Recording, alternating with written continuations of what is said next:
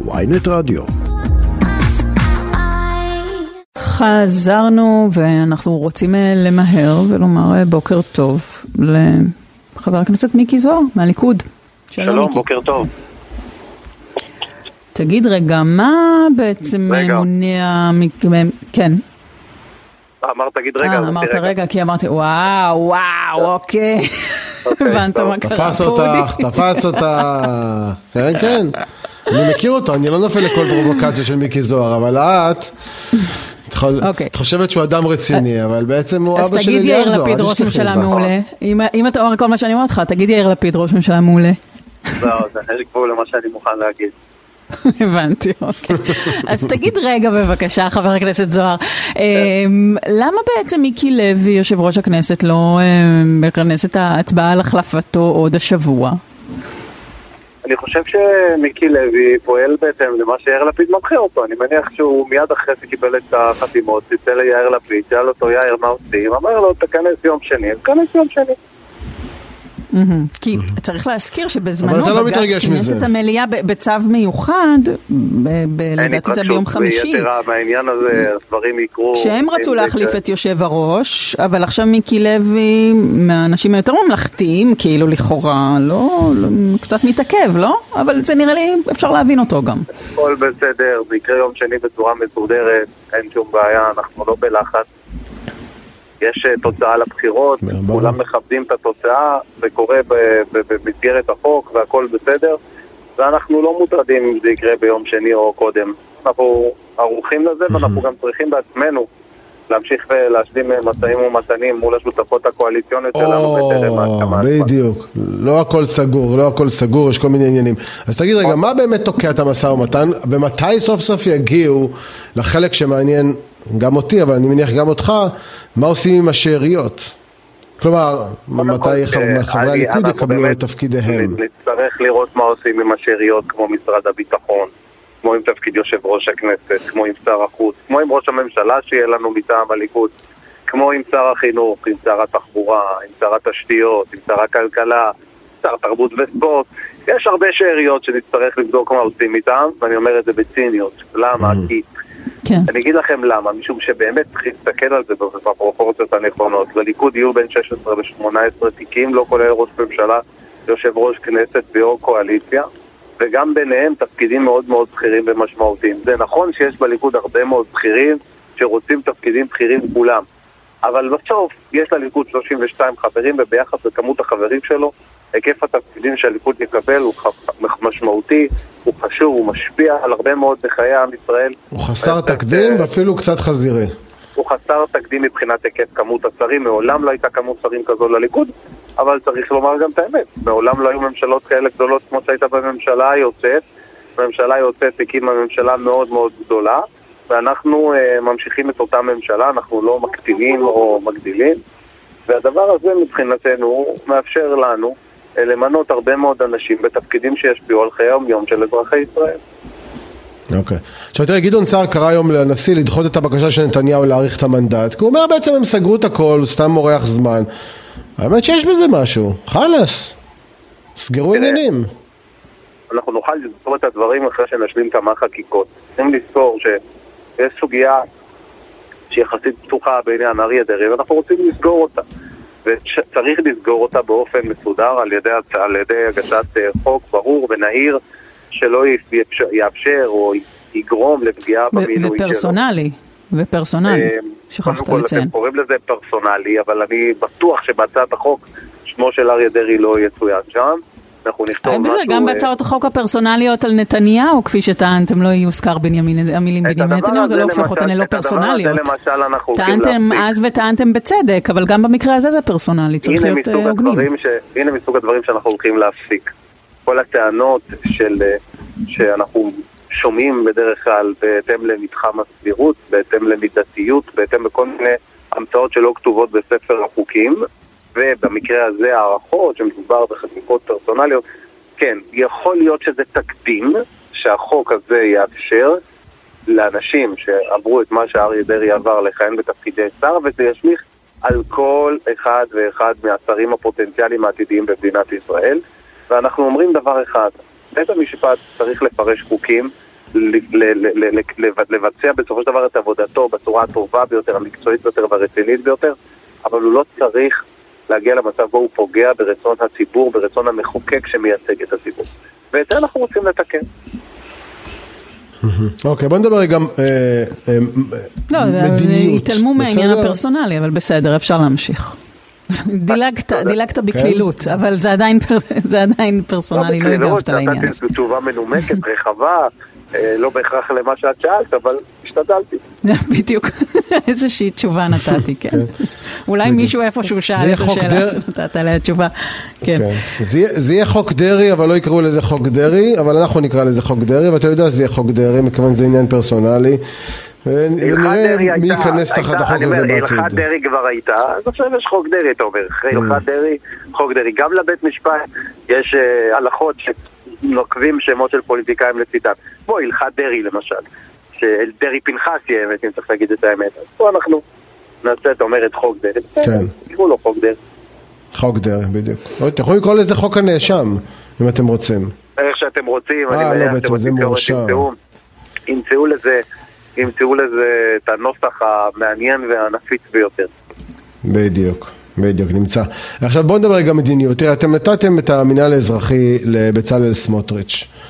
אה, והשפעה עליו. והשאלה היא, איזה מדיניות בדיוק זה בעיניך אמור לשרת? כלומר, יש לכם בראש איזה תפיסת עולם מה הולך לקרות אה, ביהודה ושומרון? זאת אומרת, אתם נותנים לו את זה כי אתם רוצים לעשות אה, סיפוח במהלך הקדנציה הזאת ולהכיל ריבונות על חלק מהשטחים ולכן זה מהלך מקדים שנועד לבדוק, או שזה סתם כניעה ללחצים פוליטיים? מאוד הגיוני בעיניי שבצלאל סמוטריץ' מקבל את המינהל האזרחי, אני אסביר גם למה. בצלאל סמוטריץ' קיבל תמיכה גדולה ועצומה בקרב המתיישבים בארץ ישראל, שהם סובלים סבל מר מהתנהלות המינהל האזרחי. לא פחות מסביר שמי שמייצג את uh, ציבור גדול, ציבור המתיישבים, שקיבל את תמיכת ציבור המתיישבים, ירצה שהמינהל האזרחי, שממרמר את חייהם בהרבה מאוד מקרים של המתיישבים ביהודה ושומרון, יהיה תחת סמכותו ופיקוחו. אז כל מה שיקרה בעצם זה שאותו מינהל אזרחי יפסיק למרמר את חייהם. וזה דבר מבורך, וזה דבר טוב, וזה דבר ראוי, ואין בזה שום פסול. ובכל זאת, מה המדיניות? המדיניות תיקבע בסופו של יום תוך כדי תנועה. אני לא חושב שעכשיו יבואו עם מדיניות סדורה מראש. דבר אחד ברור יהיה, שההתעללות במתיישבים תיפסק. זה דבר שאני שמח על כך, אני מברך על כך, והגיע הזמן שזה יקרה. כי הרבה מאוד שנים המינהל האזרחי עשה ככל העולה על רוחו ביהודה ושומרון, הוא התנהל באופן מחפיר בהרבה מאוד מקרים, באכיפה מוגברת נגד יהודים ובאי אכיפה נגד פלסטינים. אתה מאשים קצינים בצבא בשנים האחרונות בהתעללות במתיישבים? באמת? אני זה, אומר, הרי הצבא... בצורה, אני אומר את זה, לא האשמתי קצינים בצבא. אמרתי בצורה ברורה על הגוף הזה. קצינים בצבא זה מי שמנהל את המינהל האזרחי. זה אנשים בדרגת סגן אלוף, אלוף משנה, ממשיכים רק לתפקידים אחרים. מי שמנהל את המינהל האזרחי צריך מי שעומד בראש המינהל האזרחי זה תת אלוף, בראשו עומד מתאם גבולות בשטחים, אדם בדרגת אלוף. מי שמנהל את המינהל האזרחי צריך לעשות שם סדר באופן אה, ברור אל מול אה, עובדי המינהל האזרחי, קציני המינהל האזרחי, אז לא תגדיר את זה, שבהרבה מאוד מקרים קיפחו, צריך להגיד את האמת, קיפחו יהודים וסייעו בהרבה מאוד מקרים להתיישבות פלסטינית מאשר, אה, ויותר התמקדו בעקירת יישובים יהודיים. אז אני אומר, תראה, אני מבחינתי יודע שהמינהל האזרחי נדרש בו תיקון עמוק, ובצלאל סמוטריץ' מתכוון לעשות על זה, ואני מברך על זה. איפה הייתה האג'נדה הליכודית הזאת אה, בכל ה-15 שנה האחרונות, למשל? אני, תוהה. הייתה. שינוי עמוק במינהל האזרחי? לא, לא זכור לי שזה היה כל כך בהמצע. היא הייתה, אבל לא מומשה בצורה מיטבית, אני מסכים. עם הביקורת הזו אני מסכים, לגבי ההתנהלות שהיינו שם. אז היה שנים שבוגי יעלון החזיק בתיק הביטחון, שברור שהוא לא בדיוק עשה, אם בכלל, בכל מה שקשור לבעיות המינהל האזרחי. ולאחר מכן היה את אה, בני גנץ. שברור שלא היה עושה כלום עם המינהל האזרחי, כי ההפך הוא כנראה תמך בגישה של המינהל האזרחי. ולא זוכר עוד איזה שרי ביטחון היו באמצע, אבל בוא נגיד כך, mm-hmm. אם סוף סוף יהיה עבודת אה, מטה רצינית בתיקון עוולות שנעשו על ידי המינהל האזרחי. אבל, אבל, אבל אתה יודע שיש לזה משמעות אדירה מהבחינה הבינלאומית, מהבחינה המדינית. מדובר בכיבוש, אוקיי? חד צדדי של יהודה ושומרון, וזה המשמעות של לא זה אם אתה מאזרח את, את הדבר הזה. אדוריה, אני לא מכיר... באיזה מהמונחים? אני לא מכיר במונח הזה שנקרא כיבוש, אנחנו לא כבשנו שום דבר. הארץ הזו היא שלנו. לא, כבשנו. שלנו. כבשנו במלחמת ששת הימים, זה הייתה אמנם, לא, אני יודע שזו הייתה ממשלת שמאל, ורבין היה, רגע, ורבין היה רמטכ"ל, לא היית לא מכיר בהישגים של חלק מהממשלות, אבל כבשו את כל השטח. שהיה לא שטח אה, ישראלי מעולם עד 1967. היה שטח ישראלי לא, אבל, אבל זה אפילו לא משנה, מה שמשנה זה מיליוני הפלסטינים שחיים שם, ולכן, רגע, שנייה, אבל ברגע שיש אוכלוסייה אזרחית, חבר הכנסת זוהר, אתה כובש אותה. 1500 לפני הספירה זה היה שטח ישראלי. לא היה ישראלי. לא היה ישראל, לא הייתה מדינת ישראל, היה העם היהודי, היו העבריים. עם ישראל קם, אני רוצה להזכיר לכם, קם הרבה לפני, וכשעם ישראל קם הוא קיבל את הארץ הזו לפני 3,500 שנה, אני מאמין בכל מילה שאני אומר עכשיו. והארץ הזו היא שלנו. כשאנחנו חזרנו ארצה אחרי שנות גלות ארוכות, אלפי שנות גלות, אז אני אומר בצורה ברורה, לא כבשנו שום דבר, החזרנו חזרה את מה ששלנו. ולכן כל המונח הזה של כיבוש הוא לא מקובל עליי כעיקרון. אוקיי, okay, אז בוא, לכן, לכן אני לא רוצה לעסוק במי גנב ממי ומי כבש ממי קודם, כי זה באמת פחות רלוונטי. מה שרלוונטי זה מיליוני פלסטינים שחיים באזור הזה, ולכן נשאלת השאלה האם לא שליטה עליהם ברמה האזרחית היא לא אה, אה, דבר שצריך לתת עליו את הדעת מה המשמעויות המדיניות והבינלאומיות של זה. הפלסטינים כאן והם יישארו לעוד הרבה מאוד שנים. אה, כנראה לעוד, אה, לנצח, לנצחים, ואת הדבר הזה אנחנו צריכים לפתור באופן הבא, אנחנו צריכים לנהל יחד איתם שיח על איך הם רוצים לחיות את החיים שלהם פה בארץ ישראל, האם הם רוצים לחיות אותם בשגשוג, בפריחה, בהתקדמות, בחינוך לילדים שלהם או בלעסוק בטרור. אם הם יקבלו החלטה טובה ונכונה לשגשג ולברוח, אנחנו צריכים לעשות הכל כדי שהם ישגשגו ויפרחו ולא יעסקו בענייני טרור. זו המשימה שלנו כממשלה. יש להם רשות אה, אה, פלסטינית שמטפלת בסוגיות היומיומיות שלהם, אפשר גם לעזור ולהשיג הרבה מאוד תקציבים לרשות הזאת, ובלבד שהם לא יעסקו בנושאים שקשורים לטרור. אה, דבר כזה הוא דבר מתבקש, ובזה הם צריכים לעסוק כל ממשלה באשר היא. קריאה, יפה, זה קריאה למשא ומתן, זה יהיה מעניין לראות לא, איך לא זה קורה, מי מוביל את זה. זה משא ומתן, כן, אבל לא, לא, לא, בענייני, לא בענייני הקמת ממשלה, אה, סליחה, לא בענייני הקמת מדינה, בעניינים של איך חיים פה ביחד. חס וחלילה, מה פתאום, כן, איך חיים ביחד, בדיוק, באותה מדינה שלנו. נכון. אז אנחנו הולכים לספח את הפלסטינים. לספח אותם לא, זה לא עומד על הפרק, אבל הם כן יכולים אה. להמשיך להתנהל כרשות פלסטינית. אז אם יש רק מדינה אחת, אז איפה הם יחיו? יש להם רשות פלסטינית עצמאית, ויש להם אוטונומיה עצמאית שהם חיים בה. והם מתנהלים בה, ואנחנו יכולים דרך אגב לעזור הרבה לרמת המחיה ואופי החיים שם, ובלבד שהם לא עוסקים בנושאים שקשורים לטרור או פוגעים חלילה, חלילה בחפים מפשע. כן. ואני חושב שדרך אגב זה, אוקיי, זה כבר תגיד... קורה הרבה מאוד שנים וזה כנראה לא הולך להשתנות, כי הנושא של מדינה פלסטינית לדעתי. כבר מזמן מת, וטוב שכך.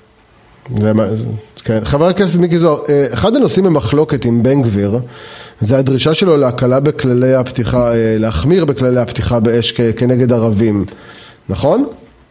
זה לא כנגד ערבים, זה כנגד מי שעוין ומנסה חלילה לתקוף או לפגוע ב... בחייל צה"ל. אז, אז בוא נגיד ככה, יש שני נושאים, אחד זה חסינות אוטומטית לחיילים, והשני זה אה, אה, הקלה בהוראות הפתיחה באש, שניהם מבחינת בן גביר אה, סוכמו אה, זה מכבר עם הליכוד, אלא שהבוקר הוא אומר אה, הם לא, הם לא בהסכם, ועל פי הדיווחים נתניהו נותן לו תשובה מעט מצחיקה, אה, ואומר לו כן כן רצינו פשוט הסכם אה, קצר, רק ראשי פרקים, לא להיכנס לפרטים, אז כמובן שהתשובה הזאת לא מספקת את בן גביר ואפשר להבין אותו. למה בעצם הליכוד מסכם על דברים שהוא מסתייג מהם, ואז מה, מה חשבתם שיקרה?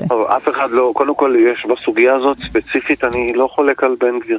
אני חושב שכן צריך לתת הגנה לחיילים שלנו. איזו מהן, החסינות לחיילים או הקלת הוראות הפתיחה? אני חושב שכן צריך לתת הגנה לחיילים שלנו, שבאמת... מה לגבי פתיחה באש? באים בהתנדבות מלאה. מסכנים את חייהם כדי לשמור על ביטחון אזרחי ישראל, וכשהם מזהים לפעמים סיטואציה בה הם צריכים להגן על עצמם, ואחר כך הופכים את זה להריגה או לדברים מן הסוג הזה, צריך לתת להם הגנה מסוימת. אני לא אומר שחייל שעושה טעות לא צריך לשלם מחיר, יכול להיות שהוא כן צריך לשלם, אבל תלוי מה היקף המחיר. ומה סדר גודל הטעות שהוא עשה. הם לא מתנדבים, אבל... הם לא מתנדבים אגב, יש חוק אה, גיוס חובה, היחידים שמתנדבים זה החרדים, שלהם אתם נותנים פטור מגיוס, אבל...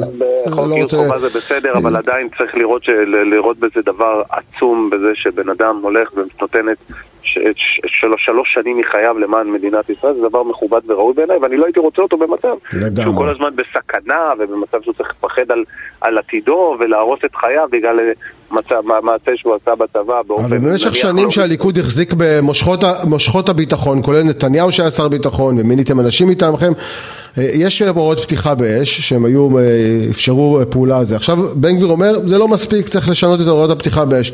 גם בדבר, בדבר הזה אתה תומך? אז אני לא מכיר באופן מפורט מה הבקשה של איתמר, אני צריך לקרוא אותה ולהבין אותה. אני לא יודע בדיוק באיזה שינוי מדובר, אבל אין ספק מי שזורק אבנים צריך לדעת שחייב בסכנה, זה מה שהוא אומר. הוא אומר, מי שזורק אבנים לא צריך להוכיח שזה סיכן או לא סיכן, צריך לירות בו. אני חושב שבן אדם שזורק אבנים מסכן חיים ולכן הוא גם צריך להיות בסכנת חיים. אה, גם אם הוא יהודי? אז למה זה לא בהסכם? אז למה זה לא בהסכם? למה נתניהו אומר, הבטיח לבן גביר משהו ולא הכניס אותו להסכם? אני אומר, מה שסוכם עם איתמר בן גביר יקוים. זה דבר אחד uh, בוודאות שאפשר לומר. אני, אני לא יודע להגיד לכם מה סוכם איתו, כי אני לא הייתי בתוך חדרי המשא ומתן ולא ניהלתי את השיחות מולו. אבל מה שסוכם כן. איתו יקוים. צריך לסכן, צריך לסכן, אתה אומר שאדם שזורק אבן צריך להיות בסכנת חיים, זה כולל גם אם הוא יהודי? נניח אה, חרדים שמתפרעים בירושלים, הפלג הירושלמי, הם מתנחלים שזורקים אבנים על מכוניות פלסטיניות גם הם צריכים להיות בסכנה או שזה חוק נגד ערבים בלבד? קודם כל החוק הוא צריך להיות ברור בכל מה שקשור לזירת האירוע. מהי זירת האירוע? אם זירת האירוע היא הפגנה, אז ברור שלא. אבל אם זירת האירוע הוא, מקום, אה, אני יודע, אה, עוין או חם ברמה של ניסיון פח"ע כזה או אחר, אז כן, כל דבר הוא צריך להישקל לגופו ובהתאם לסיטואציה שקיימת בשטח. זה נשמע מאוד אמורפי, אתה יודע, חייל בסוף הוא ילד בן 18, גדל בבית שלנו, בסוף הוא צריך לקבל פקודות, מתי יורים, אז, אז שלהם צריך להבהיר לו באופן ברור, בוא תראה, אם זה מתנחלים, אל תירה, אם זה ערבים, תירה חופשי, וזו התחושה שאתם מייצרים לא, לא במשא לא, ומתן לא, הפוליטי לא שלכם עם איתמר בן גביר, בגלל זה אני בודק איתך לא. למה אתם מתכוונים. אז זה ממש לא המצב, זה לא טירה חופשי וזה לא מערב פרוע. הדברים ייעשו בשום שכל, עם הרבה מאוד אחריות, עם ניסוח מאוד ברור, עם הגדרות מאוד ברורות שהן גם יהיו מאוד הגיוניות ונכונות, ושינוי פתיחה, הוראות פתיחה באש מן הסתם לא יגיע באופן אוטומטי, זה יצטרך להיות מוכתב כנראה מאיזשהו מפקד בשטח. יש הרבה מאוד דברים שאני מניח שאחרי שיראו את החוק המוגמר יבינו שזה לא קיצוני כפי שמתארים. אגב, כל דבר שאנחנו מדברים עליו מוצג באופן ראשוני כמשהו קיצוני, אה, חסר פרופורציות, הרס הדמוקרטיה והחרבת המדינה. ואז דה פקטו כשרואים את העובדות בשטח מבינים שהתיאורים וההערכות הם היו הרבה יותר מוגזמות. אז, אז, אז אתה, זה מסר מרגיע גם להורים בישראל ולצוותי החינוך, יהיו עדיין תוכניות על הכלת אה, הקהילה הלהט"בית למרות אבי מעוז. הנה עוד דוגמה אה, לעוד דבר שלקחו אותו והוציאו אותו מכל פרופורציה. אני לא מכיר אף בית ספר או אני לא יותר, יותר נכון לא מכיר אף משרד חינוך שיודע לשכנע מנהל בית ספר להכניס תכנים שהוא לא מעוניין לבית הספר שלו. זה לא יכול לקרות וזה גם לא יקרה. מעבר לזה, אני גם יודע ש... לא, אבל אם, אם אין במלאי תוכנית בכלל על להט"בים, אז 아, גם, גם אם הוא רוצה אותה, הוא לא יכול להכניס אותה. תוכניות פרוגרסיביות מתוכנית הלימודים, וטוב שכך. רגע, רגע, הכלה של להט"בים זה פרוגרסיבי בעיניך? לא בהכרח, אני לא, לא, לא אמרתי שזה נו, פרוגרסיבי, אז, אז בוא נדבר על, לגופו של, אני שואלת אותך שאלה נקודתית, לא שאלה עקרונית. לגופו של עניין, יש תוכניות מאוד פרוגרסיביות. שפוגעות בילדי ישראל ולא תורמות לילדי ישראל. אבל לא עליהן שאלתי, אני לא יודעת על איזה תוכנית אתה מדבר, אבל אני שואלת, האם קבלת האחר, הלהט"בי, האם קבלת האוכלוסייה ההומוסקסואלית לקרבנו והתייחסות אליהם זה, והיא תצא לפי אבי מעוז מהמלאי הזה, האם זה בסדר בעיניך? אז למה להוציא אותה? אז אני, מי אמר שהם יצאו? הם יצאו, דה פקטו, ראית שהם יצאו? נראה לי שאבי מעוז לשם הוא מכוון, זה לא, לא תקין בעיניו להיות הומו. פעם אחרונה שהתעדכנתי בדבריו. אני אומר, נראה לך, ונראה לעוד לא גורמים בתקשורת, ונראה לעוד הרבה מאוד אנשים. מה אתה לא אומר? מה שנראה, איך אומרים, מה שרואים משם לא רואים אוקיי. מכאן. כל ההערכות בסופו של דבר כנראה יתבדו, ואז אולי, אני בטוח שלא תתנצלו, אבל אולי תבהירו שטעיתם. יש לי רעיון, אתה יודע מה? בוא נעשה עסק, בוא נדבר עוד שלושה חודשים, לגמרי, ונבדוק, כן. ונבדוק את התוכנית, ואז או שאתה תתנצל או שאנחנו נתנצל. קבענו. סגור? יאללה, שמענו.